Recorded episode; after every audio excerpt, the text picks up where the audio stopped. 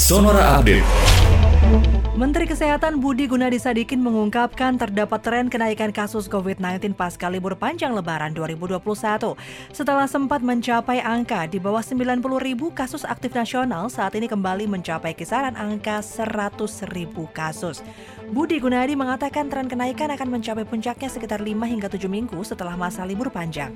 Menanggapi laporan tersebut, Budi menambahkan bahwa Presiden Jokowi meminta jajaran terkait untuk memastikan kesiapan dalam menghadapi lonjakan kasus kasus COVID-19.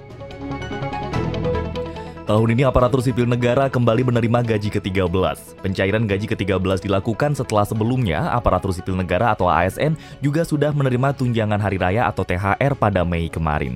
Di dalam peraturan pemerintah nomor 63 tahun 2021 dijelaskan gaji ke-13 akan disalurkan paling cepat pada Juni ini.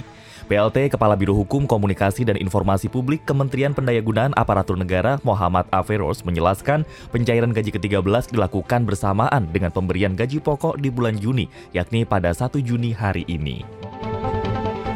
Kasus infeksi virus corona varian baru di sejumlah negara di kawasan Asia Tenggara melonjak tajam. Lonjakan ini membunyikan alarm penanganan pandemi dan menegaskan urgensi akan vaksinasi yang lebih cepat. Kenaikan kasus COVID-19 harian di Malaysia sepanjang pekan lalu memicu karantina wilayah secara total atau total lockdown mulai hari ini.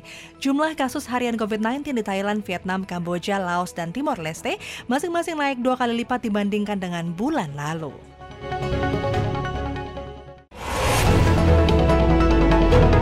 Demikian Sonora Update.